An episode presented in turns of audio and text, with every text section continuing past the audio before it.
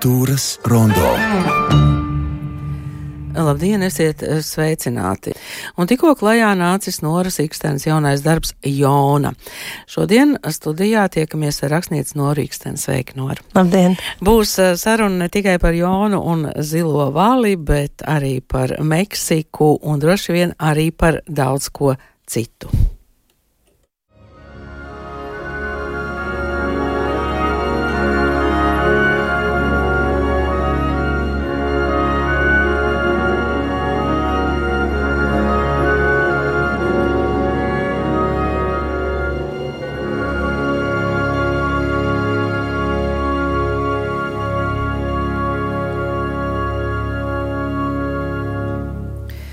Tas bija fragments eh, no Raimonda Tigula un Noras Ikstenes jūras grāmatas, eh, bet šobrīd mums studijā priekšā ir Noras Ikstenes jaunais darbs Jona, pati rakstniece šeit studijā. Eh, Nora, kā tu tagad gribētu sākt ar, ar Jonu?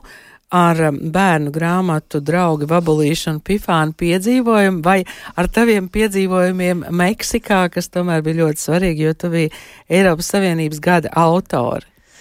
Nu, jā, es laikam sākšu ar to, ka ir jauki šeit būt un ir jauki būt Ziemassvētkos Latvijā, bet tiešām ceļojums uz Meksiku bija mm, brīnišķīgs, jo uh, nu, Laikam tāpēc, ka man ir divas grāmatas spāņu valodā, mācīts piens un ūdens mirdzēšana. Eiropas Savienība izvēlējās man par goda autoru gada galhāras grāmatu tirgu sadarbībā ar Latviju Literature un man izdevniecību Vāsāra Otto. Nu, tad nu es devos. Un uh, otra puse šim ceļojumam, kas bija nemazāk brīnišķīga, bija, ka es satiku savus draugus, mm, mūzikas apskatnieku Klāsu Vāveri un viņa sievu Elitu Šicu Vāveri, ar kuru viņi kopā dzīvo San Miguel del Jende jau daudzus gadus. Tā kā tas bija tāds, jā, sapņu piepildījums, un man jāteic, ka Gvada Gauhāra ir šis grāmatu tirgus, viņš ir milzīgs, un, um, protams, ir, ir daudz priekšstatu par to, vai meksikāņi lasa. Es varu teikt, ka meksikāņi lasa spāņu valodā ļoti daudz, un uh, Meksika tiešām ir brīnišķīga zeme, un tur es varbūt varēju satikt zilo vali, bet es nesatiku, jo netik ātri tas notiek, bet uh, esmu aprakstījusi kurjera Jonas un Lielā zilā vaļa draudzību grāmatā Jona, un, un tad tur pa starpu pifāns un vabulītis tā mīļi padzīvojās bērnu stāstiņi kopā ar mākslinieci Kristiānu Dimitēru. Tā kā es varu teikt, ka ir bijis tāds labs un ražīgs gads. Meksika, vēl atgriežoties eh, pie šī, nu, faktiski literārā piedzīvojuma Meksikā, kāds tas uh, tirgus vai tā grāmatu mese ir. Mēs varam salīdzināt ar kaut ko, nu, Frankfurte lielāks, mazāks, citādāks. Otrais lielākais pēc Frankfurtes. Tāpēc uh, mēs jau varētu teikt, kopā ar Latviju literatūru un citiem Latvijas autoriem gāzām kalnus 2018. gadā Londonas grāmatu gada tirgu. Bet kā tas vienmēr dzīvē ir, ka ir, um, ir priekšstati par to, kas ir liels, un tad ir vēl lielāks un vēl lielāks, kā, kā ezeri, upes un jūras. Un vaļi. Un vaļi. Un Gvadagauhara ir milzīgs grāmatu tirgus, un uh, tur, protams, tas ir vairāk orientēts uz spāniski runājošo publiku. Kas bet, ir liela? Kas ir milzīga, milzīga lasošā publikas daļa gan Spānijā, gan Meksikā un citās zemēs. Un, un, protams, kā tā sakritība, ka nu, man ir divas grāmatas spāņu valodā, tas, protams, ļoti, ļoti palīdz, jo es tiešām varu teikt, ka nu, izņemot, ja tu brauc kā turists uz Gvadagāras grāmatu mēsī, ja tev kā rakstniekam nav grāmatas spāņu valodā, tad tev īsti nav ko darīt. Bet um, Bet ļoti jauki, ka kopā arī ar eh, manu tulkotāju Rafaelu Martinu Kalvo, un tur bija arī mm, uh, Haņins. Uh, kuram ir divas grāmatas spāņu valodā. Un, mēs nemaz nezinām. Jā, viņš varbūt tā pārāk daudz par sevi nestāst, bet vajadzētu. Un, tā kā tas bija atkal tāda durvju atvēršana kaut kam jaunam, jaunai, jaunai pasaulē, un kāpēc, lai nākamgad tur nebrauktu atkal citi latviešu autori, bet jau ar vismaz vienu grāmatiņu spāņu valodā. Jā, cerēsim, ka tiešām tā arī nākamajā gadā būs. E, tad par to mazo jauko draugi babulīšu un pifānu piedzīvojumu, kā tā pie tevis atnāca.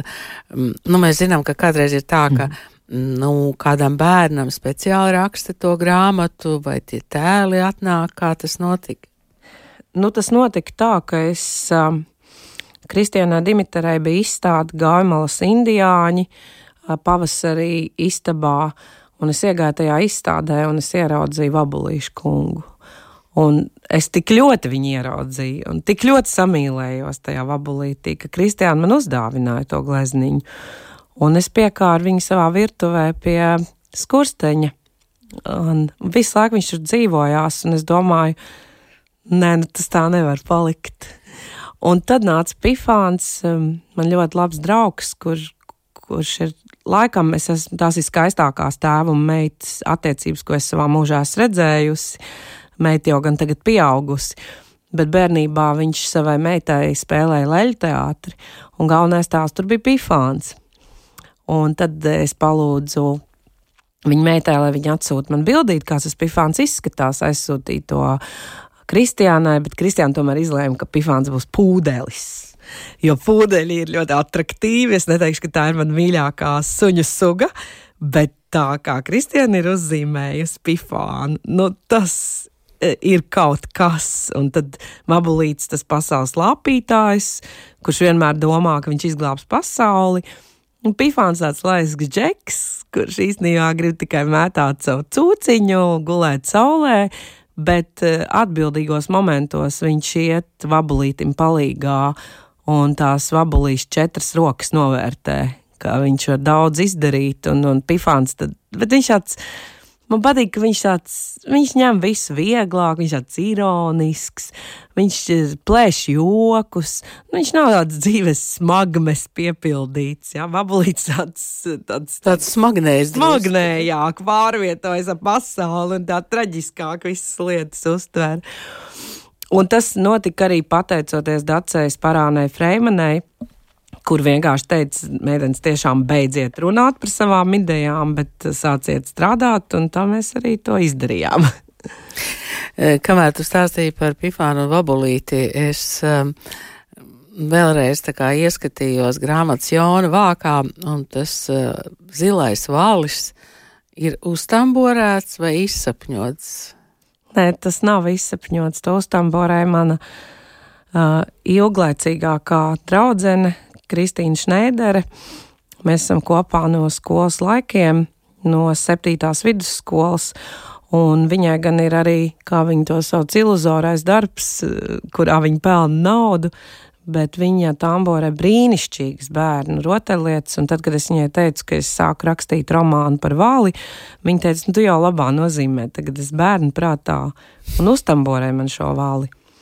Un, kad bija doma par to, kā grāmatu noformēt, es Dacēs parānē Fremenē teicu, ka tur noteikti jābūt tam valim, kas visu laiku bija man agrās rīta stundās blakus.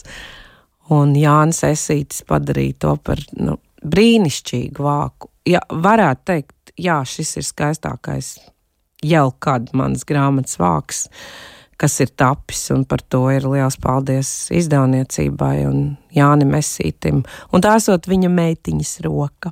Skaisti. Tātad grāmatas vāks ar vismaz jau diviem stāstiem uz vāka. E, tagad droši vien tev vajadzētu paskaidrot, kas ir Jona, jo es nezinu, vai mēs spēsim tā to izrunāt, jo faktiski tur ir Jona un Jona. Jona. Jona, jā. Uh, viens, ko es atradu, ka ir tāda bībeles leģenda par, par Vali un Jonu, bet uh, kas tev ir Jona un Jona? Jā, tas ir labs jautājums. Es, es, es ļoti ceru sagaidīt varbūt arī kādu recenziju par šo jautājumu, kas ir Jona un Jona um, grāmatā.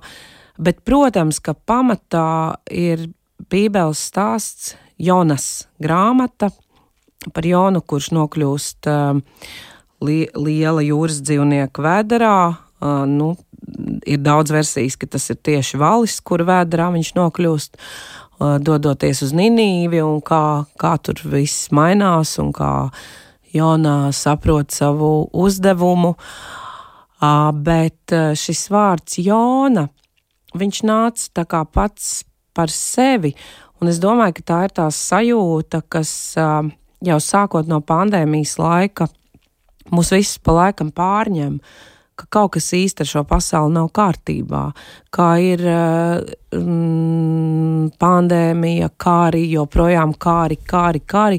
Un mēs it kā visu laiku atskatāmies uz to, ka dzīve, lai arī varbūt nebija tik vienkārši, bet tā dzīves sajūta bija citādāka.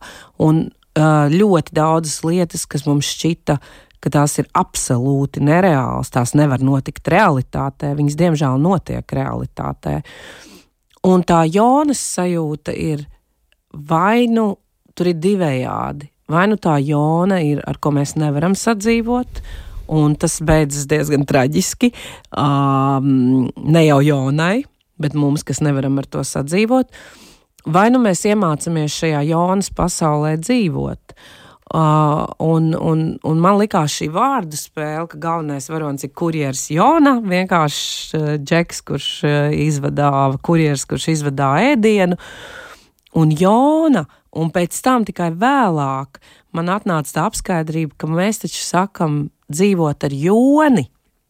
Tad mūsu valodā kaut kas no šī vārda ir. Uh, ka mēs īstenībā gribam dzīvot ar joni, plaši, skaisti, labi, um, baudīt dzīvi, piesāksim dzīves svinēšanu un tam līdzīgi.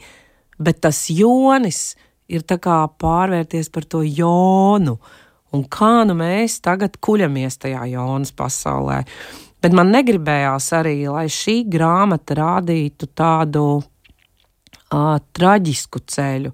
Tāpēc arī Jona un vaļa attiecības ir tādas, eh, nu, viņi tā kā, nu, ne jau iesmēji, bet viņi tā kā saprot, kur viņi ir iekūlušies, un viņi cenšas no tā izkūties laukā.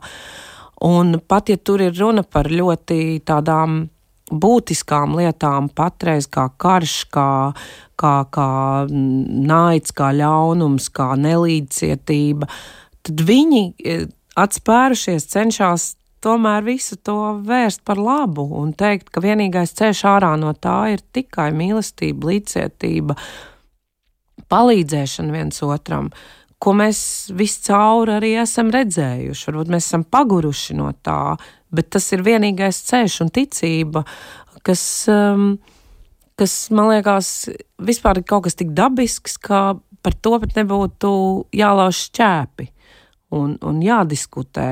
Bet uh, ka katrs cilvēks pie tā var nonākt tikai individuāli, un neko no tā nevar ne uzspiest, ne ieliet mutē, ne pamācīt, ne parādīt. Var tikai uh, rādīt ar saviem darbiem, ka tā varbūt ir labāk. Uzticēties darbiem, nevis vārdiem. Šajā grāmatā ir mazliet arī par klusēšanu. Šī grāmata bija tāds klusēšanas pārtraukšanas veids arī tev? Jā, un es varu teikt, ka tas klusēšanas laiks man bija ļoti noderīgs, jo mm, nu, tajā brīdī, kad tu saproti, ka tu esi uzrakstījis 35 grāmatas, varbūt tu vairāk nerakstīsi. Nu, es neteikšu, ka tas ir no tiem priecīgākajiem brīžiem, pat tad, ja tu vari darīt jebkuru citu darbu. Jo tas ir kaut kas, ka, kam tu esi bijis uzticīgs visu savu mūžu, un jebkura uzticības laušana ir sāpīga. Vai mīlestībā, vai valodā. Uh, bet uh, tad, pēc šī klusēšanas gada, es sapratu, ka tas vienkārši tā šāvās uz ārā. Tas sākās ar esēju grāmatā Rakstniecības laboratorija. Uh, kas iznāca dienas grāmatā, kas, manuprāt, ir brīnišķīga grāmata, kur latviešu rakstnieki apraksta to rakstīšanas virtuvi. Un tad parādījās Vālis un Jona, un uh, es, es tikai pierakstīju un rakstīju uz priekšu, un tad man lietuvieši uzaicinājās Česlā Miloša lasījumiem uh, Lietuvā, Kaunijā. es uzrakstīju esēju prieka vēsts, ko es esmu arī ielikusi kā pēcvārdu šajā grāmatā. Un, un tad es, es, man varbūt ir grūti aprakstīt cilvēkiem, kas nezina rakstniecības virtuvi, bet tā sajūta, ka tu atkal vari rakstīt, ir brīnišķīga. Jā, sajūta, ka atkal var rakstīt mazliet Meksikā pazaudēta balss. Šeit, šeit studijā rakstniece Nora Ikstena. Un mēs sarunu tūlīt arī turpināsim. Bet, bet sajūta, ka tu atkal vari rakstīt, tā atnāk tādā vienā vienā skaistā rītā, vai eh, tas tomēr ir tāds process, kad tu raksti, un tu vienkārši sāc rakstīt tīri tehniski, un tad tu saproti, jā, jā, es tagad varu rakstīt. Vai es tagad es... varu runāt? Jā, tas laikam ir par to klusumu. Mm -hmm. Nu, labi, es domāju, tā, varbūt, ka tev ir jāiedzer ūdens, ja. un es. Uh, Es varētu vienkārši. Ne, es atkal vien... varēšu runāt. Tu varēsi, es domāju, ja? ka vajag to dabiski. Daram dabiski, jā. Jo pēc Meksikas es tiešām dzimtenē mazliet pazaudēju balsi. bet ne jau tāpēc, ka es uh, justos slikti šeit, bet vienkārši laika apstākļi savādāki. Bet uh, Par to pēkšņo sajūtu tagad... vai procesu, kā tur bija? Jā, redz, tas, kas tagad notika, arī ir tā, mm, tā lielā runāšana tev vienā brīdī apstopē, un tad tu, tad tu paklusē, un tad tu pārdomā tās dzīves lietas, un tad tu skaties uz viņām savādāk. Tā kā man tagad pēkšņi pusi intervijā bija viena balss, un tagad ir cita balss, bet, nu, tūlīt būs atkal apakaļ normāla balss. Un man liekas, ka Ar rakstīšanu arī ir tā, ka uh, uh, vispirms tev liekas, ka tu esi uzrakstījis kalnus un uh, aprakstījis lejas, un tik daudz tu esi izdarījis. Un tu nekad nezini, kas notiks tālāk. Un tālāk pēkšņi nāk Jona, un uh, tu esi pārsteigts par to, ka vispār tas ir iespējams. Jo ir taču tā, ka ļoti daudzās profesijās cilvēki atvadās no savas profesijas, attiecīgi eh, vai savu fizisko spēku izsīkuma dēļ, vai tāpēc, ka viņi vairāk nevar izpildīt to, ko viņi kādreiz izpildīja. Un vēl sliktāk ir, ja cilvēki cenšas par katru cenu darīt to, ko viņi visu mūžu ir darījuši, un viņi paši jūt, ka tas vairs nav tas, kas viņiem būtu jādara, un apkārtējie to jūt. Uh, Un tādā situācijā es negribētu nonākt. Es gribētu darīt pavisam kaut ko citu.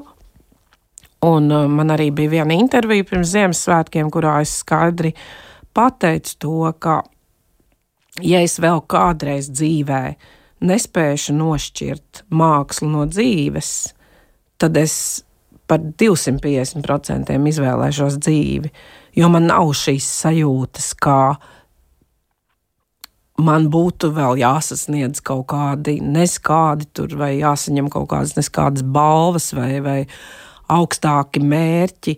Es domāju, ka šai, tagad ir pienācis laiks, kad dzīve ar mākslu ir saplūdusi, un ja tu esi spējīgs savu mākslu radīt dzīves iekšienē, plūst ar dzīvi un radīt mākslu, tad radi mākslu. Bet, ja tev ir jāizšķirās dzīve vai māksla, izšķiries par dzīvi, Un to es saku no visas sirds. Es, es tiešām tā domāju. Un es tiešām tā arī darīšu, ja man priekšā būs tāda izšķiršanās. Jo es, es kā saka, rokas darba izbijās, ne, acis darba izbijās, otrādi darba jā. nebijās. Ja? Es, man, nav, man nav tā sajūta, ka, ka tas ir Protams, es jūtos apbalvot, ka es varēju uzrakstīt vabulītu un pifānu, un to droši vien turpināšu rakstīt, ja, ja, ja cilvēki to vēlēsies. Es uzrakstīju Jonu, un varbūt nāks priekšā vēl kaut kas cits, bet man vairs nav tā sajūta, ka nē, par katru cenu. Jā, tas ir par katru cenu, man tas būtu jāizdara. Ja tu pati par to nebūtu sākus runāt, es neiedomātos pajautāt, bet tu pavisam reāli esi domājis par, par ko citu varētu darīt dzīvē? Vai es varētu darīt ļoti daudzas lietas. Es brīnišķīgi gatavoju ēst. Es vienkārši Un man tas patīk. Es vienkārši sajūtu no tā lielu, lielu gandarījumu. Man e, vienalga, varbūt tas ir tāda gai, tā ir gaistošākā no mākslām. Es vienmēr esmu domājis par tiem mūsu kolosālajiem ceļiem, par tiem pavāriem, kurus Mišelīns apspīdēja tagad gada beigās. Ka viņi taču viņu gatavo, un tas viss pazūd vienā mirklī. Bet tas prieks, ko tu saņem tajā brīdī, kad cilvēki ir gandarīti un, un tas. Uh, ēšanas prieks, tas kopā būšanas prieks, man, man tas ir milzīgs gandarījums, un es, es to varētu darīt. Tajos vis, visos veidos pat iemācījos kūks cept, ko es agrāk galīgi nedarīju. Tā kā nav tāda, es un, un, un no, no janvāra man būs tāds neliels eksperiments, Noras māja, kurā es mācīšu pareizāk sakot, nevis mācīšu rakstīt, jo nevar iemācīt rakstīt. Ja? Uh, bet um, es dalīšos savā pieredzē, rakstniecības pieredzē, jo es esmu strādājis tik daudzos žanros, gan dokumentālās filmas, gan lielu pasākumu scenāriju, gan grāmatas, gan biogrāfijas, un esejas un žurnāla raksti, viss kaut kas.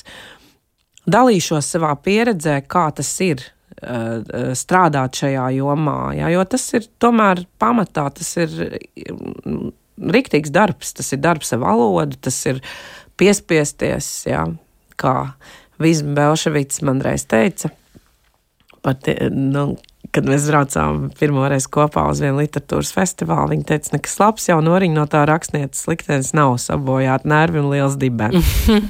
un tad ir jāpiestrādā pie pie abām šīm lietām, lai, lai turētos. Jona ir arī uh, ar tādām atsaucēm, kā jau tu teici, gan uz pandēmiju, gan uz karu, gan ar um, pagaidu cilvēkiem. Es uh, pieņēmu, ka to ar to domāju bēgļus. Uh, Jā. Nav īsti šobrīd tās savas mājas. Pagaidu ļaužu meitene, es nezinu, kā es nonācu pie šī vārda salikuma, bet man tas likās tik uh, kaut kā tik skaisti, ka latviešu valodā tā var pateikt pagaidu ļaužu meitene, un šie pagaidu ļaudis, es domāju, tā vairāk ir viņu sajūta, kā mūsu sajūta, ka mēs jau, tāpat kā citas valsts, mēs jau tik daudz ukraiņu bēgļu esam uzņēmuši, un mēs um, darām, ko varam, bet es domāju, ka iekšēji cilvēkā ir šī pašā šī sajūta, ka tu esi pagaidu ļau, ļauž šajā vietā. Uh, un vai tu iedzīvosies, vai tu neiedzīvosies, vai tu tiksi atpakaļ uz savu dzimteni. Jo arī tagad, atgriežoties no Meksikas, es domāju, kāda tā ir laime, ka man ir kur atgriezties. Un kā neraugoties uz to, ka tik daudz latvieši, kas saka, paceļ ķepas un brauc prom no šejienes, es negribu nekur braukt prom no šejienes. Tāpēc, kad es, es nu, nekur, nekur, nekur citur. Nu, es, es nejutīšos tā, kā es jūtos šeit.